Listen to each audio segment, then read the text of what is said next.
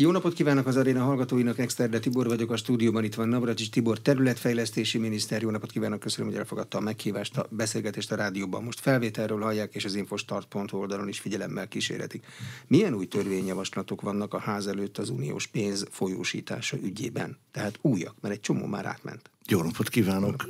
Igen, de van még egy határidőnk, ugye március végéig kell a jogállamisági feltételességi eljárás keretében a, azon témakörben, amelyet az Európai Bizottság az igazságszolgáltatás függetlensége témakörnek nevez, ezen belül egy módosító, jogszabálymódosító csomag, amely a, a bírói tanács és a bírósági hivatal közötti hatásköri kérdéseket rendezi, vagy szabályozza újra a bírói kinevezés eljárásában a bírói tanácsnak betöltött szerepét, szabályozza újra, tehát alapvetően az igazságszolgáltatás belső működési elveivel kapcsolatos jogszabályok lesznek, illetve a legnagyobb valószínűséggel ide fog bekerülni az a, a közérdekű alapítványok működéséről szóló törvényt módosító javaslat is, amely reményeink szerint kezeli az Erasmus Plus és a Horizont Európa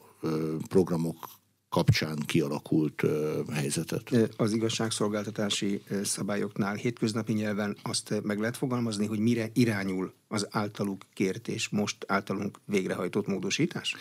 A módosítások jelentős része az Országos Bírói Tanács szerepének növelését célozza a bírósági vezető pozíciók megpályáztatásánál, illetve a pályázatok értékelésénél adott esetben egyetértési jog, véleményezési joggal kapcsolatos kérdések vannak. Most. A bírói tanács a bíróságoknak a bírák önigazgatási szervezete, igen, maguk bírák választják a bírák igen, parlamentje. Igen. Jelentősen erősebb lesz a szerepe. Itt több szereplő is van, hogy az országos bírósági hivatal, a bírósági hierarchia feje a kúria, az országgyűlés, amely törvényeket alkot, ezt az erőviszonyrendszert alakítja át?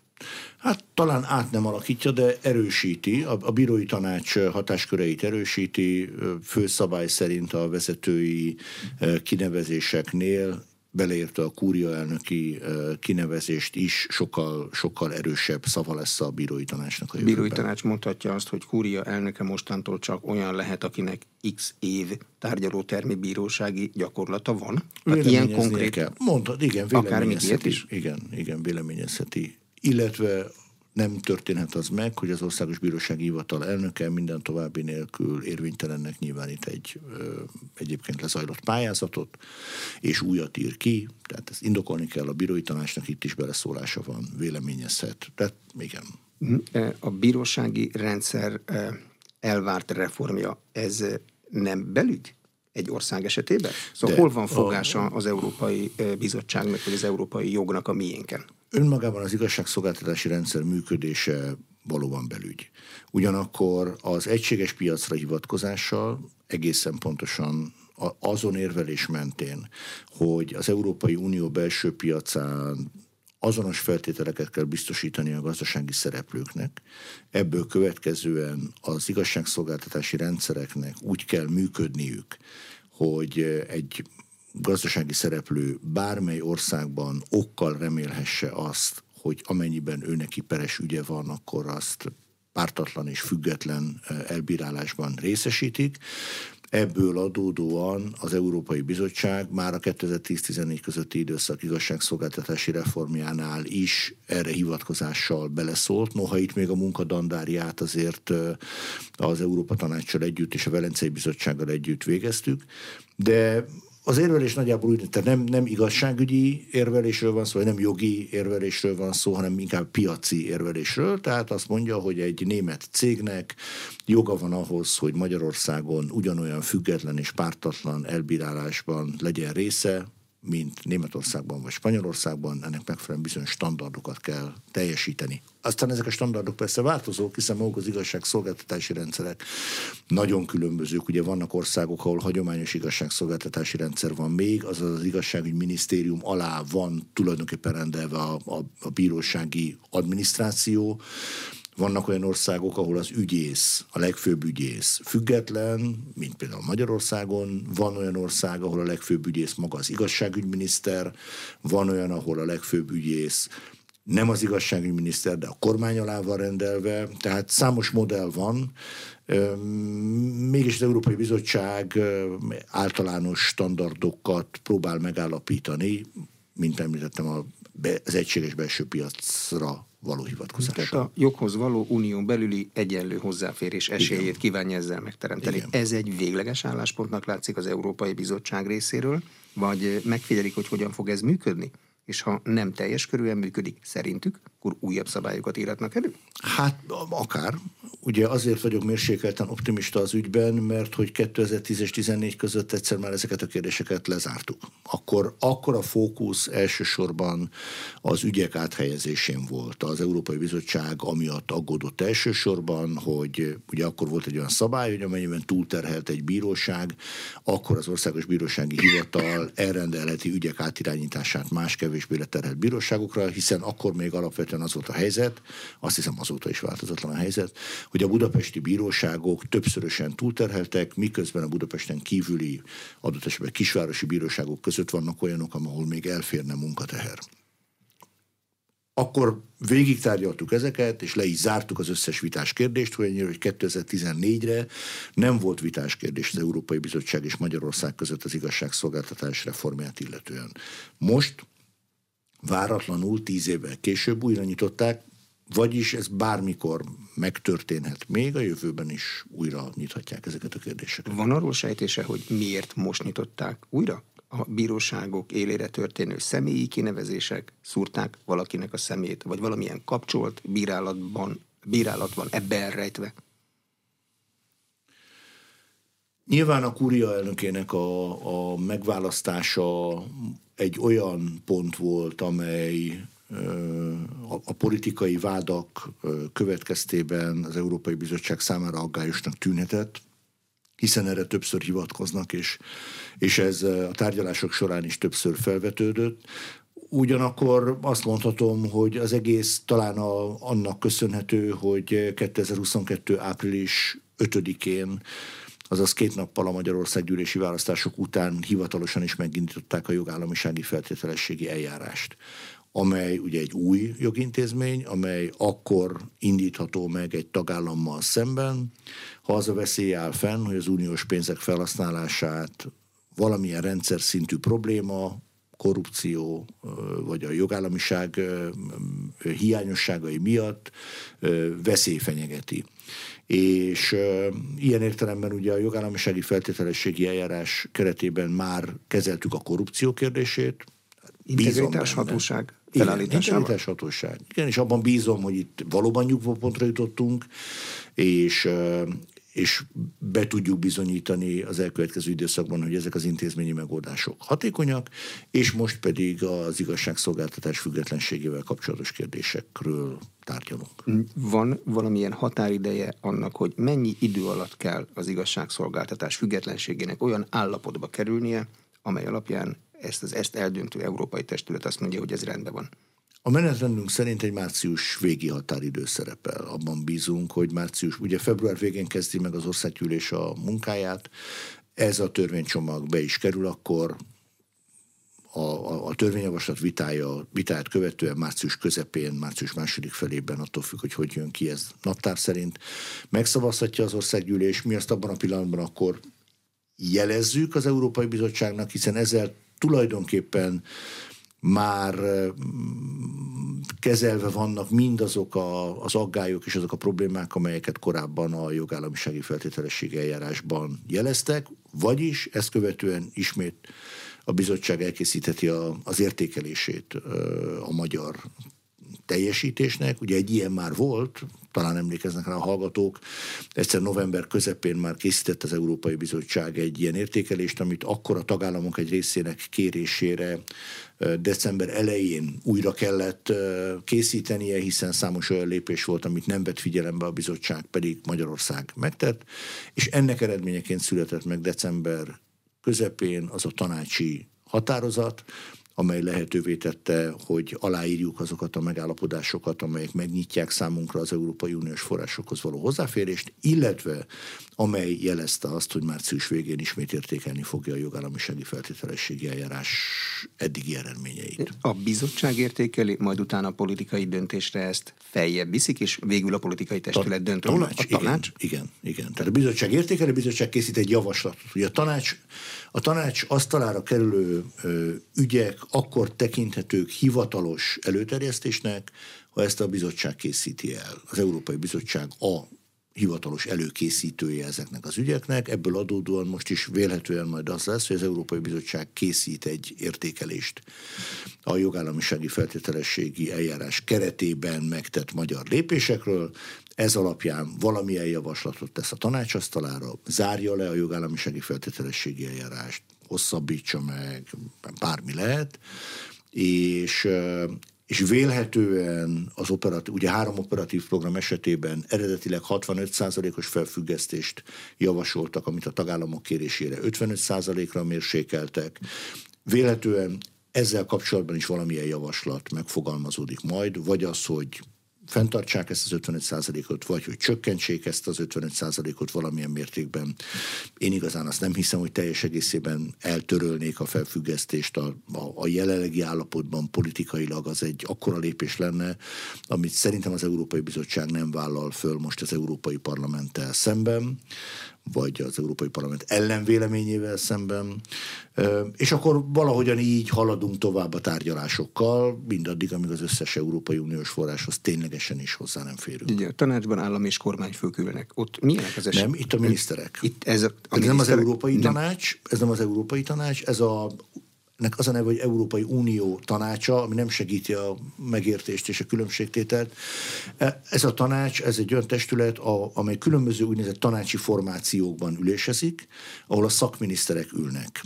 Tipikusan a mi ügyünk, ez az ügyünk, tehát a jogállamisági feltételességi eljárás, a gazdasági és pénzügyminiszterek tanácsa, az úgynevezett ECOFIN e, keretében kerül általában megtárgyalásra, tehát most is az várható, hogy a bizottság elkészíti az értékelését, és ezt követően az ECOFIN, a gazdasági és pénzügyminiszterek tanácsa fogja majd napirendre venni a magyar ügyet. Ha ők bárhogy is döntenek, akkor azt már ember nem állítja meg? Tehát az nem mehet föl már az úgynevezett tanácsba? Hát az Európai Tanácsba fölmehet, ez egy, egy, egy, ahol a tagállamok állam és kormányfői vannak, hiszen az Európai Tanács bármilyen kérdést a napirendjére tűzhet, azonban a szerződés azt mondja, hogy az Európai Tanács maga nem döntéshozó intézmény.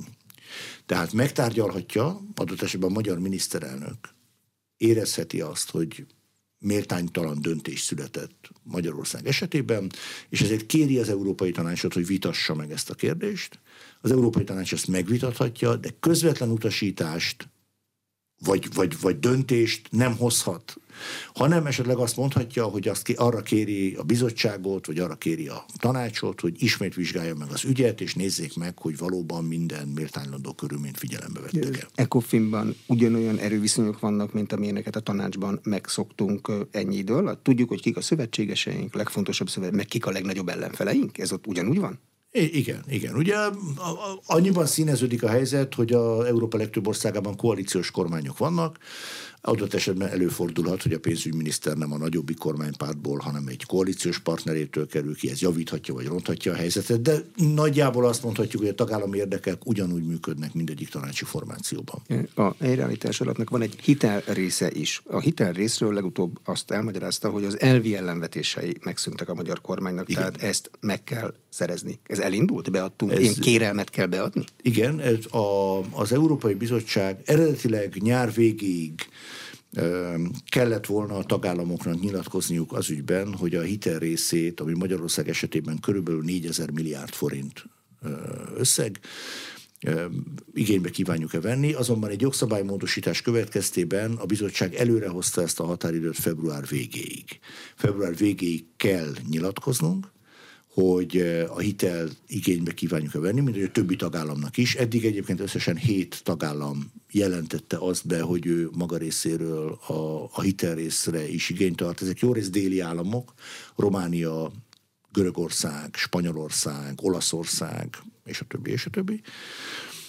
február végéig nekünk is nyilatkozunk kell, és a többi tagállamnak is, tehát a többi 20 tagállamnak ezen a, a héten fölül, és, és egyben meg kell kezdeni a tárgyalásokat is, a hitelrészre vonatkozó projektek vagy irányok tekintetében.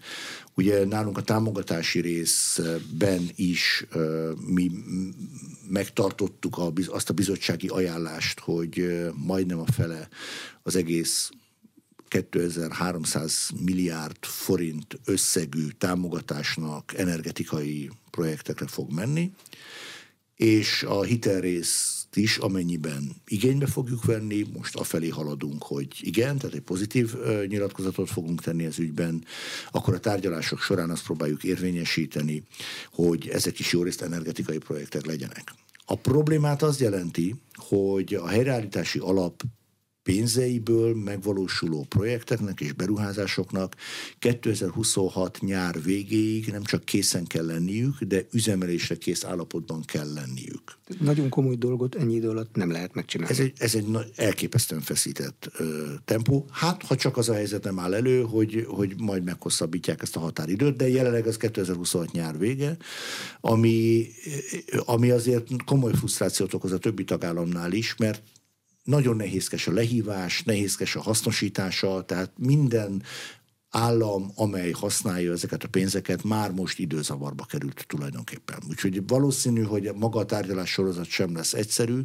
Ugye a magyar kormány döntése értelmében itt Lantos miniszter úr, az energiaügyi miniszter dolgozza ki a részleteit, a szakmai, a szakmai koncepcióját, és a mi feladatunk ennek a letárgyalása ami egy nagyon feszített tárgyalási tempót is követel tőlünk, hiszen innentől kezdve valóban napok, hetek dönthetnek egy beruházás elindulásában, illetve sikeres befejezésében. A szakmai részét, ha megcsinálják Lantos Csaba miniszterék, akkor miről kell még tárgyalni? Politikai feltételei egy hitel lehívásának vannak? Igen, igen, vannak. Ugyanazok, az Európai... mint az összes többi?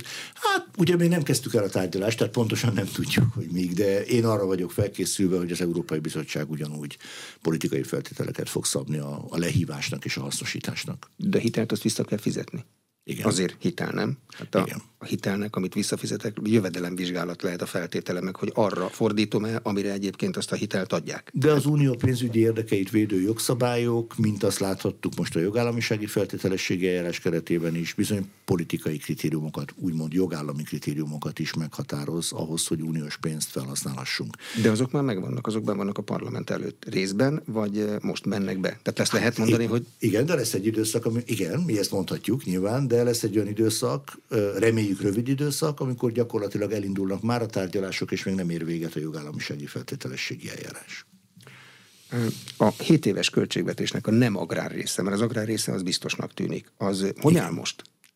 Az úgy áll, ez ugye körülbelül 10 ezer milliárd forintról van szó ebben az esetben, hogy különböző operatív programokra vonatkozó partnerségi megállapodást aláírtuk, az operatív programokat elfogadta a, az Európai Bizottság, és ez azt jelenti, hogy a technikai akadályok megszűntek a, az Európai Uniós források lehívása elől. A, ugyanakkor a bizottság nem csinált abból titkot, hogy a jogállamisági feltételességi eljárás a folyósítás feltételeiként is értelmezi. Ugye a, ezzel párhuzamosan a magyar költségvetés elkezdte már előfinanszírozni bizonyos operatív programok projektjeit, így a GINOP és a TOP, tehát a gazdaságélénkítő vagy a vállalkozásokat segítő operatív program és a területi operatív programban már több pályázati kiírás megjelent. TOP ügyben például a kb. 2000 milliárdos össz költségvetésből, ami az operatív program teljes költségvetése, ebből egy olyan kb. 1100-1200 milliárd forintnyi összeg már, már ki van írva pályázatokban, sőt, ezek között már van olyan, aminek a, a finanszírozása is megindult, magyar költségvetési pénzből előlegezve, és abban bízunk, hogy ténylegesen az év közepétől, ha sikeresen haladnak előre a tárgyalásaink a jogállamisági feltételességi eljárás vonatkozásában is, akkor már számlákat küldhetünk Brüsszelbe, azaz akkor már ténylegesen is jönnek majd a uniós források. Most úgy állunk, hogy minden kiküldendő számla a jogállamisági eljárás hatája alatt van? Az agrár, agrár kivételével? Igen. Tulajdonképpen igen. A legutóbbi uniós csúcson azt mondták, hogy meg kell erősíteni a határvédelmet. A tagállami vezetők több ö, azonnali, konkrét és gyakorlati lépés megtételében egyeztek meg. Pénzt kapunk-e? Visszamenőleg, vagy akár előre menőleg határvédelemre? Hát ezen óriási vita folyik magában az Európai Unió döntéshozatali szerveiben, sőt az európai belpolitikában is, mert miközben a, az Európai Néppárt vezetője Manfred Weber és az európai konzervatívok és reformisták pártszövetség egyik vezető politikus, a Giorgia Meloni olasz miniszterelnök egyetértettek abban, hogy az Európai Uniónak finanszírozni kellene adott esetben technikai akadályépítését is, lástkerítés, fal és a többi és a többi a határokon, addig a szocialisták, a liberálisok és a zöldek élesen ellene vannak. Tehát nem született még ilyen döntés, de, de a migráció, a bevándorlás újra szabályozása ismét jön vissza az európai döntéshozók asztalára, tehát ez, ez egy biztos, hogy a jövőben egy éles vitapont lesz majd. De mindent lehet, de kerítést azt nem? Tehát nagyjából így lehet összefoglalni? Hmm, már hogy uniós forrásból? Igen. Így is. Azon gondolkozom, mert ugye vannak kerítések, van egy bolgár kerítés is a bolgár-török határon, van egy spanyol kerítés lent, ugye az Afrikával találkozó pontjaikon, és nem mernék rá mérget venni, hogy ezek valamilyen formában ne kaptak volna adott esetben uniós finanszírozást is, az biztos, hogy magyar esetben ez még egyelőre tabu lemondott Varga Judit, Lantos Csaba, Lázár János, Varga Mihály, Nagy István, Szijjártó Péter és Navracsics Tibor, így ők nem folytatják a munkájukat a vagyonkezelő alapítványok élén, így mondta Gulyás Gergely a múlt heti kormányinfó előtt, vagyis közben. Ez elég? Nem, nem gondoljuk, hogy elég. A tárgyalásaink folynak az Európai Bizottsággal, illetve én, amikor kint voltam ugye az első alkalommal, aminek a következtében aztán az Európai Bizottság ki is adott egy kommunikációt, amiben tisztázták, hogy a magyar alapítványi egyetemek egyrészt ugyanúgy részt vesznek az Erasmus Plus programban, másrészt pedig ugyanúgy pályázhatnak a Horizont Európa pályázati kihírásaira. Akkor is tisztáztuk, hogy, hogy Alapvetően két olyan pont van, amit a tárgyalások során és majdan a törvénymódosítási javaslatunkban kezelni kívánunk. Az egyik az összeférhetetlenség kérdése, ez egy része ennek. De önök kormánytagok, kormánytagi Igen. összeférhetetlenségről van szó? Igen. Vagy politikusi összeférhetetlenségről? Hát ez egy jó kérdés. A tárgyalások majd ezt kell, hogy tisztázzák, hogy egészen pontosan milyen szintig uh, tekintsük összeférhetetlennek a közérdekű alapítványokban vállalt kuratóriumi tagságot.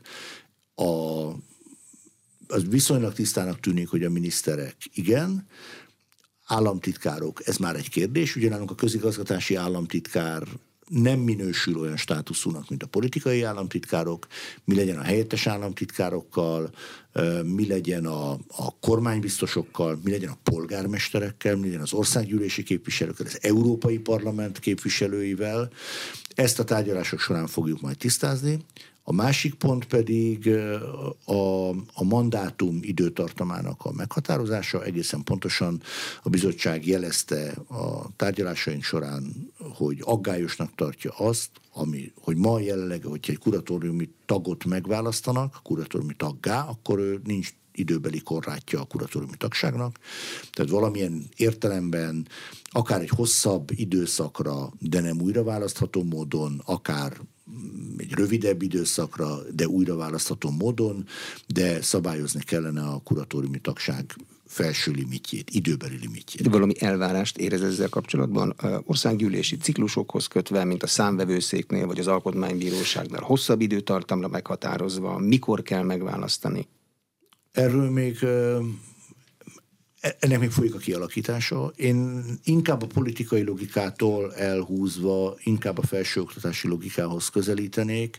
Ugye az alapítványi egyetemek finanszírozásának a, alapvetően két időtávja létezik. Van egy 25 éves nagy keretszerződés, amit az alapítványi egyetem köt az állammal tulajdonképpen, ahol az alapvető stratégiai irányokat rögzítik, és ennek van egy hat éves lebontása, hat évente van olyan finanszírozási keretszerződés, amely tulajdonképpen a 25 éves stratégiának a megjelenítése. Én ezt tartanám szerencsésebbnek, hogy a kuratóriumok valahogy ebbe, ebbe az időtávba ö, újuljanak meg, vagy a kuratóriumi tagság valahogyan ehhez kötődjön. A cél tényleg az, és a, annak idején a miniszterek részvételével is az volt a cél, hogy nem az, hogy átpolitizáljuk az egyetemeket, hanem az egyetemek a kuratóriumok révén sokkal erősebb, érdekérvényesítő képességgel rendelkezzenek a magyar közéletben. Mi van, ha kormányváltás van? Akkor az a kormány miniszterei jelentősen kisebb érdekérvényesítő képességgel fognak rendelkezni. Hát ez más országban is előfordul. Az, Euró, az Amerikai Egyesült Államok legfelsőbb bírósága, amely hatalmi szempontból ezerszer fontosabb, mint egy egyetem, magyar egyetem kuratóriumi tagsága, ott gyakorlatilag ugye élethosszillara nevez ki az elnök, az éppen működése időpontjában megürülő helyre valaki újat, aminek következtében előfordulhat. Ugye az elmúlt 30 év, kb. 30 évben mindig úgy jött ki, hogy demokrata elnök alatt ürült a hely, tehát demokrata alkotmánybírákkal töltötték föl a, a helyet. Most ugye Trump alatt azt hiszem három alkotmánybírói pozíció is megürült, következésképpen három republikánus került be. Az élet ilyen, a kuratóriumok elvileg maguk választják meg a, a tagjaikat. Ma is van ellenzéki tagja a kuratóriumnak. Miskolc polgármestere, a Miskolc Egyetem kuratóriumának a tagja. Ő egy Neki mennie kell? Hát ez egy kérdés, ha a polgármesternek mennie kell, akkor nyilván neki is mennie kell. De a polgármestereknek eddig nincs döntés arról, hogy menniük kellene. Eddig nincsen döntés. Eddig ugye most is a döntés az az volt, hogy mi felajánlottuk, illetve mi lemondtunk, felajánlottuk a lemondásunkat, és nem azért Nyilván ez kötelező lesz majd, hiszen, hiszen ilyen lesz a szabályozás is, de azért is akartunk lemondani, hogy méregtelenítsük a, e, egy, a közéletet, mert hogy az egész már-már úgy tűnt, hogy valójában az egész magyar felsőoktatásnak a legnagyobb problémája az, hogy miniszterek tagjai a kuratóriumoknak, holott a Színház és Filmművészeti Egyetem körüli viták és csatározások elhalkulása után nem tudunk megnevezni még egy olyan alapítványi egyetemet, ahol bármilyen jellegű, akár pénzügyi, akár politikai, akár tudományos probléma is felmerült volna a kuratóriumi kuratórium és egyetem viszonyrendszerében. Talán még a Szegedi Egyetemnél voltak nagy csatározások. De ott az elején, nem? Az elején, igen. Igen, de, de aztán be, az egyetem és a kuratórium, nálunk a Pannon Egyetemen, aminek én voltam a kuratóriumi elnöke, azt mondtam, hogy hermetikusan szétválasztottuk az egyetem és a kuratórium dolgát. A kuratórium volt a fenntartó, az üzemeltető. A költségvetést mi tárgyaltuk, mi szereztük meg, mi biztosítottuk. Senki nem szólt bele, hogy a Pannon Egyetem milyen kutató, oktató tevékenységet folytat, kik tanítanak ott, miket, mindkettőnknek az az érdeke, mind az egyetemnek, mind a kuratóriumnak, hogy minél sikeresebb legyen egy egyetem. Ma Magyarországon a felső oktatási szféra amúgy is alapvető demográfiai kihívásokkal néz szembe. Ha nem figyelünk oda, a Budapesten kívüli egyetemek pár év múlva legyen szó bármelyikről. Alapvetően azzal a problémával fog küzdeni, hogy a budapesti egyetemek elszívják az összes fiatalt Magyarországról. És ha csak és, a budapestiek, mert hát külföldön is vannak egyetemek. És aztán még a külföldiekről nem is beszélve, így van. Tehát ezek olyan problémák, amik szerintem nincs az a politikus társam, aki a kuratóriumban bármilyen indoktrinációt vagy, vagy politikai manővert hajtott volna végre azért, hogy az saját egyetemét nehezebb helyzetbe hozza. De erről Magyarországon meg kell állapodni bárkivel? Itt egy domináns párt van jó néhány, 12 éve hatalmon. Kivel lehet megállapodni abban, hogy ebből ne legyen belpolitikai vita? Mert ebből az ügyből nem csak Európai Unió meg magyar kormány közötti vita volt, hanem belpolitikai vita is. Hát szemmeláthatóan nem, nem tudunk megállapodni senkivel, mert... De akkor hogy lehet hosszú távon mindenki által elfogadott modellt csinálni? Hát úgy, hogy a miniszterek talán az államtitkárok, aztán meglátjuk még, hogy kicsodák nem vesznek részt a kuratóriumok munkájában. Ez nem jelenti azt, hogy adott esetben egy volt miniszter ne vehetne részt. Tehát ahogy a Nyugat-Európában is előfordul, az én volt kollégáim közül, biztos kollégáim közül ketten vagy hárman egyetemek elnökei. Van köztük olyan is, aki még politikailag aktív, de, de a másik kettő olyan, akik, akik már visszavonultak a politikától, és elmentek egyetemek egyetem elnökének, mert egy egyetem úgy gondolja, hogy az a kapcsolatrendszer, az a tekintély jót tesz az ő tárgyalási pozícióinak, és finanszírozási pozícióinak is. Végleges állapotot akarnak most kialakítani ebben? Vagy ha úgy adódik, akkor vissza lehet térni valami korábbi, akár a mostani állapotba is? Vagy kétszer ugyanabban hát, a folyóban nem lépünk? Mert szerintem nem. Tehát az, a, a felől kétségeim vannak, hogy a politikában van-e végleges állapot, de, de olyan állapotot, tartós állapotot szeretnénk, egy olyan állapotot, ahol az alapítványi egyetemeket semmilyen támadás nem érheti. Főleg nem ilyen brutális, amikor egyik pillanatról a másikra azzal fenyegetik, hogy, hogy a legnépszerűbb Európai Uniós programokban való részvételtől tiltják el ezeket az egyetemeket. Ez most ö, lenullázható? Tehát el lehet mondani, hogy mindenki pályázhat, mindenki változatlanul dolgozhat, és nem kell azon törni a fejét, hogy valahova máshová viszi a kutatását? Öm, a, az Erasmus esetében abszolút lenullázható, hiszen az Erasmus esetében 2024 közepéig megoldott a finanszírozás, és idén kell elkezdeni a tárgyalásokat, hogy a 24 utáni időszakban hogyan alakul a finanszírozás. Itt biztos vagyok benne, hogy, hogy kár nélkül, kártétel nélkül meg tudjuk oldani a problémákat. A Horizont Európánál annyiban másabb egy kicsit a helyzet, hogy itt konzorciumok pályáznak általában kutatói konzorciumok, egyetemi konzorciumok, amelynek magyar egyetemek is részei. És a bizottság levele, amit szétküldtek, azt nem tudjuk, hogy milyen fogalmazunk úgy, hogy jó hírnév sérelmét jelenti az egyetemeknek, hiszen nem elvárható egy portugál egyetemtől mondjuk, hogyha a magyar konzorciumi partnert akar magának választani, akkor pontosan utána járjon, hogy most alapítványi egyetemről van szó, nem alapítványi egyetemről, részt vehet, nem vehet részt, és a többi.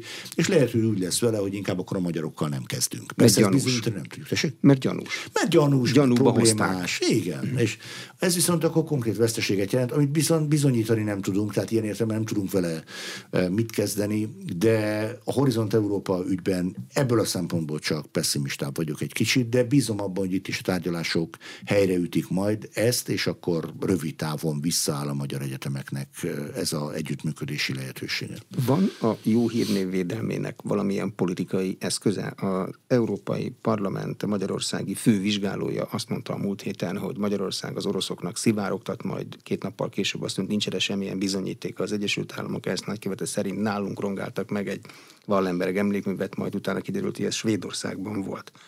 Ilyenkor kell lépni valamit egy kormányzatnak? Hát nem nagyon tudunk, mert miatt nem tudjuk beperelni az Egyesült Államokat, vagy nem tudunk, nem tudunk beperelni egy európai parlamenti képviselőt, főleg, hogyha két nappal később elnézést kér, mert ő legalább, ugyanis maga az állítás az olyan volt, ami alapján az, ez akár perelhető is lett volna, valószínűleg ezért is kért elnézést két nappal később. Mármint az, hogy mi a magyar állam szivárogtat az oroszoknak. Igen, hogy, ahogy ő mondta, hogy évek óta világos, hogy Magyarország az orosz titkosszolgálatoknak szivárogtat, hogy valami ilyesmi.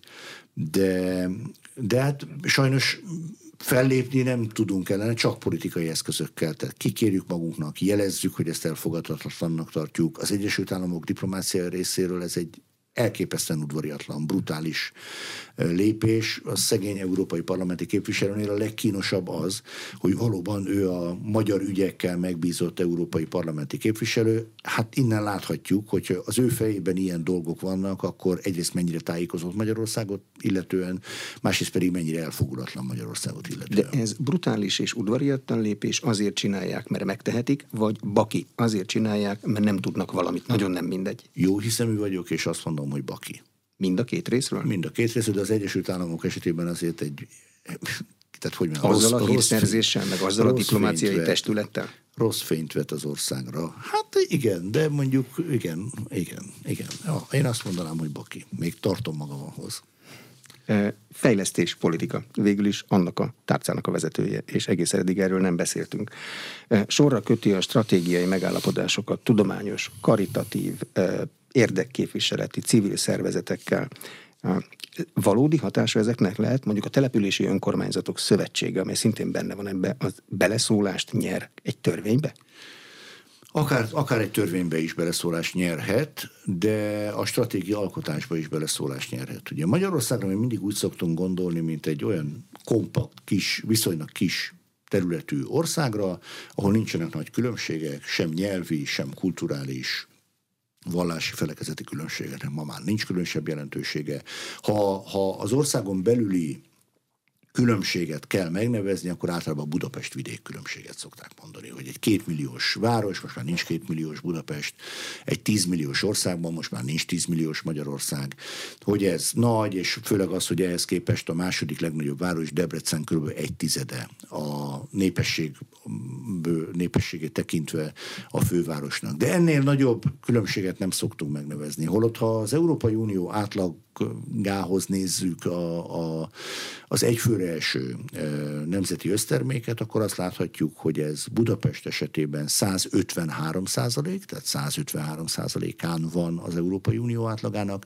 Az Észak-Alföldi régió esetében, ami ugye Kecskemét az Észak-Alföldi régióhoz, illetve bocsánat, Szolnok már az Észak-Alföldi régióhoz tartozik, tehát mondjuk hány kilométerre, 90 kilométerre van Budapesttől, ott viszont 49 százalék, tehát az Európai Unió átlagának 49 százalékán van, és míg míg az, a Budapest esetében a, a növekedés meglehetősen dinamikus, azaz Budapest zárkózik fel ahhoz a nagyvárosi klubhoz, európai nagyvárosi klubhoz, ahol egyébként éles verseny folyik, de amely az Európai Unió átlaga fölött teljesít, addig a mi régióinknak a túlnyomó többsége a Nyugat-Dunántúl és a Közép-Dunántúl kivételével az úgynevezett felzárkózó régiók közé tartoznak, azaz az Európai Unió regionális fejlettségi rangsorában meglehetősen hátul vannak. Tehát van egy nagy területi fejlettségbeli szakadék, egy 93 ezer négyzetkilométeres országon belül is, és azért találkozom ezekkel a szereplőkkel, illetve azért is megyek el a rendezvényeikre, és azért próbáljuk kiépíteni azokat a kommunikációs csatornákat, amelyek reményeink szerint intenzív kommunikációt tesznek lehetővé, hogy minél többet megtudjunk Magyarországról. Én olyan, hogy mondjam, azon fajta emberek közé tartozom, aki bár nem büszkén vállalom, de vállalom, hogy sajnos nem azok közé tartozom, aki túl sokat tudna Magyarországról, milyen jó lenne, ha túl sokat tudnánk Magyarországról, az az érzésem, hogy túl keveset tudunk Magyarországról. És a... De mi a fejlesztés célja? Magyarország nem túl nagy, a rendelkezésünkre álló pénz most különösen nem túl sok. Budapestet fejlesszük, vagy Szegedet fejlesszük. Igen. Én mind a kettőt szeretném, mert Igen. most itt élek, Én itt is. dolgozom, de szegedi vagyok, azt is Igen. szeretném, hogyha azt is fejlesztenénk. Igen. De melyiket? Ha, ha egy mondatban kell megfogalmazni a fejlesztés célját, akkor a fejlesztés politika célja az, hogy Budapestet és vidéket ne lehessen egymással szembeállítani. Na jó, de hát ennek hagyománya van, még a kormánypárton belül is emlékszünk Lázár János meg Tarlós István hatalmas én nem, villongására. Én emlékszem, de most célról beszéltünk, ami a jövőre irányul, nem a múltra. E, Budapest megkerülhetetlen tényező a magyar gazdaságban és a magyar társadalmi életben. A magyar e, GDP e, jelentős része itt termelődik meg. Budapest nélkül a magyar gazdaság nem létezne. Tehát ami, ha Budapest kárát látja a fejlesztéseknek, vagy, vagy megfosztjuk a fejlesztésektől, akkor az egész ország kárát látja ennek. Ugyanakkor arra is oda kell figyelnünk, hogy, mint említettem, a Budapesten kívüli Magyarország túlnyomó többsége felzárkóztatandó régió. Az Európai Uniós források kétharmadát ezekre a felzárkóztatandó régiókra kell költenünk, ami nem egyszerű feladat, ugyanis az Európai Unió kohéziós politikája sem találta meg még azt a receptet, amivel sikeresen felzárkóztatható lenne egy nem nagyvárosi, nem fővárosi régió.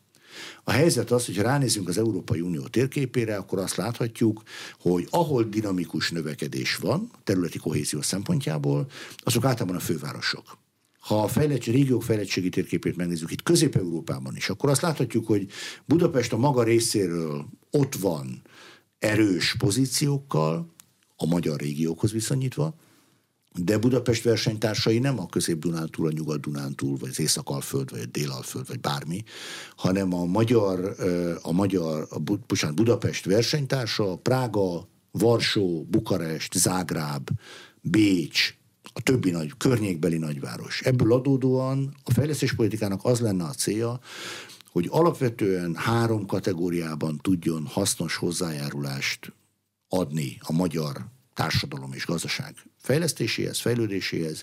Egyrészt Budapestnek olyan segítséget adni, amivel meg tudja őrizni a versenyképességét ebben a nagyvárosi ligában, másrészt a Közép-Dunántúl és a Nyugat-Dunántúl számára olyan segítséget adni, amely a relatív fejlettségi szintjét és versenyképességét megőrzi egy olyan térségben, vagy olyan térségek által határoltam, mint például a pozsonyi térség, amely az Európai Unió nyolcadik legdinamikusabban növekvő térsége, vagy Burgenland, ami ugyan Ausztriának a legkevésbé fejlett régiója, mégis a nyugat-magyarországi vállalkozók tudják megmondani, hogy mennyire nehéz megtartani a magyar munkaerőt, mert mindenki oda jár át ingázni. Ez a második csoport, tehát Nyugat-Dunántúl és Közép-Dunántúl számára olyan segítséget adni, ami lehetővé teszi, hogy ez a térség versenyben maradhasson Pozsonnyal, Burgerlanddal és az osztrák régiókkal.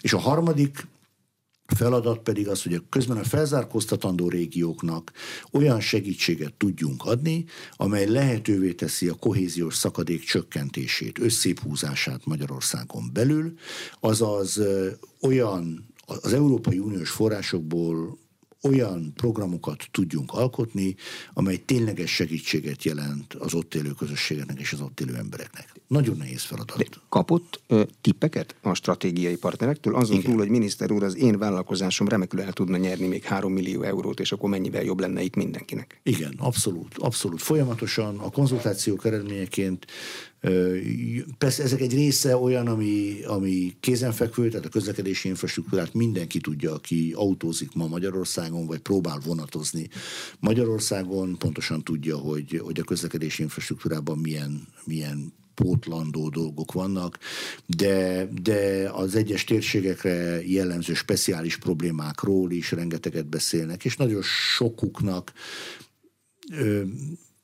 megoldási javaslataik is vannak, ezeket próbáljuk majd stratégiává összegyúrni. Jelenleg van Magyarországnak olyan fejlesztési stratégiája, ami hatályos, meg még aktuális is? Közben volt háború, van, meg volt Hatályos, COVID. aktuális nincs, igen. Hatályos van. 2014-ben elfogadta a Magyarországgyűlés az országos felül, fejlesztési és területfejlesztési koncepciót, amely 2030-ig szabta meg Magyarország fejlődési irányát, ugye ezt 14-ben fogadták el, fogadtuk el, valóban így van 20-ban, 21-ben koronavírus járvány, 22-ben háború, infláció, szankciók, alapvetően átszapták a nemzetközi és a hazai mozgásteret is, éppen ezért ennek most folyik a revíziója. De nem is ez, ez is egy probléma, ennek folyik a revízió, ezt el fogjuk végezni.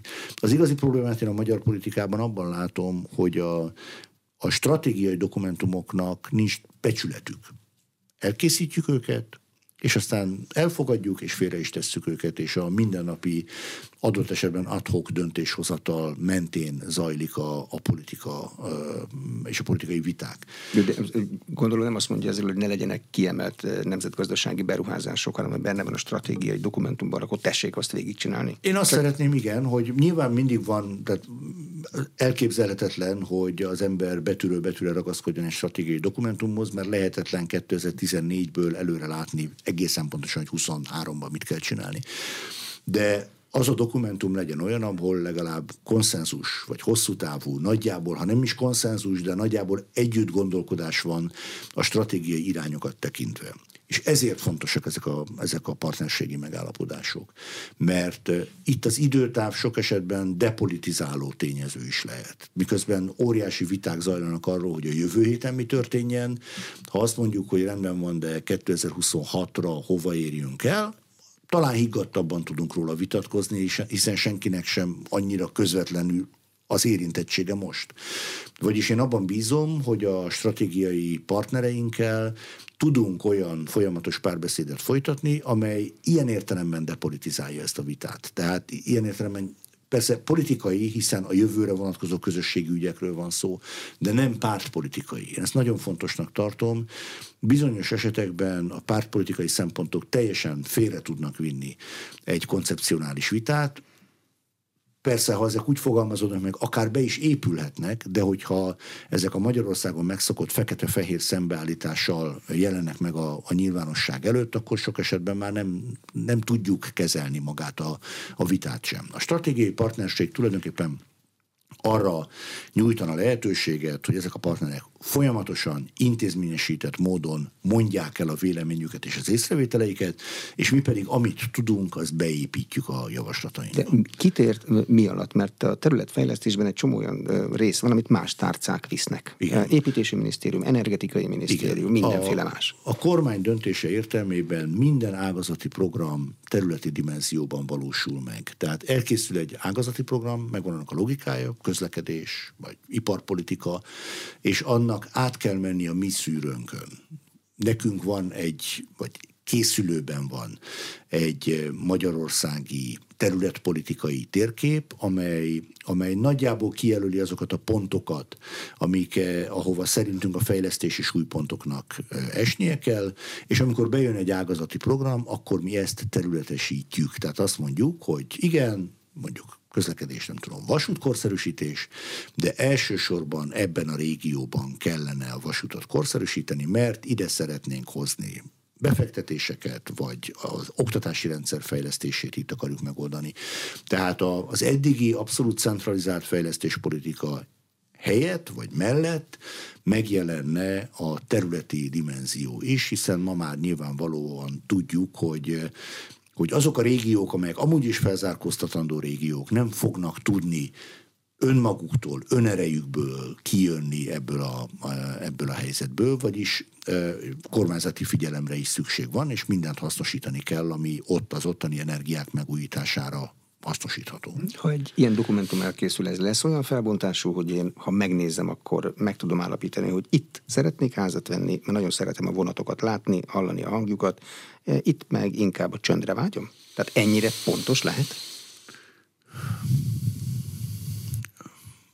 I- igen, le, akár lehet is. Persze ezeket le kell bontani. Alapvetően irányokat kell jelölni, amelyből azért kikövetkeztethető, hogy az egyes régiókban milyen fejlesztéspolitikai lépésekben gondolkodik a kormány. De ma is tudjuk, hát ha összenézzük a, a gyorsforgalmi úthálózat fejlesztési térképet, meg megnézzük a vasútfejlesztési térképet, ráadásul hozzánézzük az operatív programokat, akkor nagyjából tudjuk, hogy melyik út mikor fog megépülni, hol korszerűsödik a vasút. Mi ezt szeretnénk koncentráltabbá tenni, adott esetben kijelölni olyan térséget, ahova azt mondjuk, hogy ami egyébként most Debrecen esetében megfigyelhető, hogy most kimagaslóan sok beruházás érkezett oda. Egyértelműen látszik, hogy Debrecennek kezd kialakulni egy gazdasági decentrum jellege, tehát Budapest mellett egy másik olyan alközpont alakul ki a magyar gazdaságban, amely meghatározó szerepet játszik az elkövetkező években, ha ezek a fejlesztések sikeresek lesznek. Következésképpen a területfejlesztési politikának az a feladata, hogy számba vegye, hogy ezzel együtt mi jár. Energetikai fejlesztések, közlekedési infrastruktúra fejlesztés, oktatási intézmények fejlesztése, és a többi, és a többi tekintetében, és a tárcákkal úgy tárgyaljon, hogy a tárcák ágazati felelősök tisztában legyenek azzal, hogy a jövőben, ha új iskolát akarnak építeni, vagy nem tudom én, új metódusokat akarnak megvalósítani, akkor ezt Debrecenben kell tenni, mert ott várható egy népességnövekedés, gazdasági erőnövekedés, a, ebből adódóan a környezetterhelésének a növekedése, és ezt kezelni kell az ágazati programokkal. És konfliktusok is várhatók, és ha már december, is várhatók. Debrecenről van szó. Igen. Ezeket hogy lehet úgy kezelni, hogy ezeket elkerüljék? Lehet egyáltalán nem kezelni? Biztos, hogy, nem biztos, hogy a konfliktusokat el, egyrészt láthatjuk, hiszen tanuljuk, a demokráciában az a gyönyörű, hogy a, hogy a demokrácia egy folyamatos tanulási folyamat egy társadalom számára, hiszen mindig olyan új helyzetek adódnak, amire nem volt korábban példa. Bár egyébként volt, ugye, hiszen lakossági közmeghallgatások korábban is voltak Magyarországon, de ez most egy kiélezettebb hangulatban érzékenyebb hangulatban történt. És látszik, hogy ahogyan próbálja a helyi társadalom kezelni a kialakult konfliktust is. Szerintem az igazán fontos az, hogy egy konfliktus kialakul, azt kezelni tudjuk. Nem mindig tudjuk elkerülni konfliktusok kialakulását, de hát a demokrácia az gyakorlatilag a konfliktusok kihordásának intézményesített rendje is. Hát a pártok, az érdekcsoportok, a civil szervezetek éppen azért vannak, hogyha egy konfliktus kirobban, akkor artikulált vagy artikulálható érdekek és nézetek jelenjenek meg. Ilyen értelemben szerintem Debrecen egy nagyon fontos tanulóhely magyar, egész Magyarország számára. Láthattuk azokat a ijesztő vagy elidegenítő jeleneteket, amelyek a közmeghallgatáson történtek, amikor az emberek nem a véleményüket mondták el, hanem ordibáltak gyakorlatilag. Hát lehet, hogy az volt a véleményük. Hát igen, de ezek az, akkor ezek a vélemények nem voltak, hogy nem, nem voltak különösen hasznosítható vélemények, amikor valaki azt ordibálta, hogy őt nem érdekli, de innen, itt semmiképpen se valósuljon meg, hát ezzel sok minden nem lehet azért kezdeni.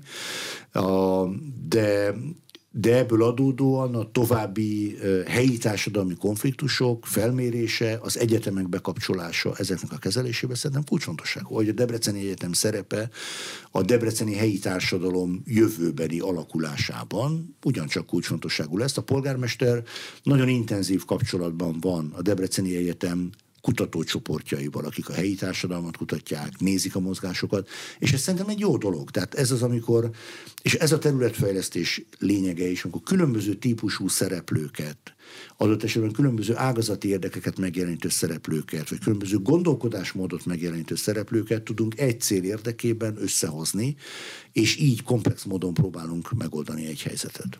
Köszönöm a tájékoztatást. Az elmúlt egy órában Navracsics Tibor területfejlesztési miniszter volt az aréna vendége. A műsor elkészítésében Módos Márton főszerkesztő vett részt. A beszélgetést a rádióban felvételről hallották, és az infostart.hu oldalon is figyelemmel kíséretik. Köszönöm a figyelmet, Exterde Tibor vagyok.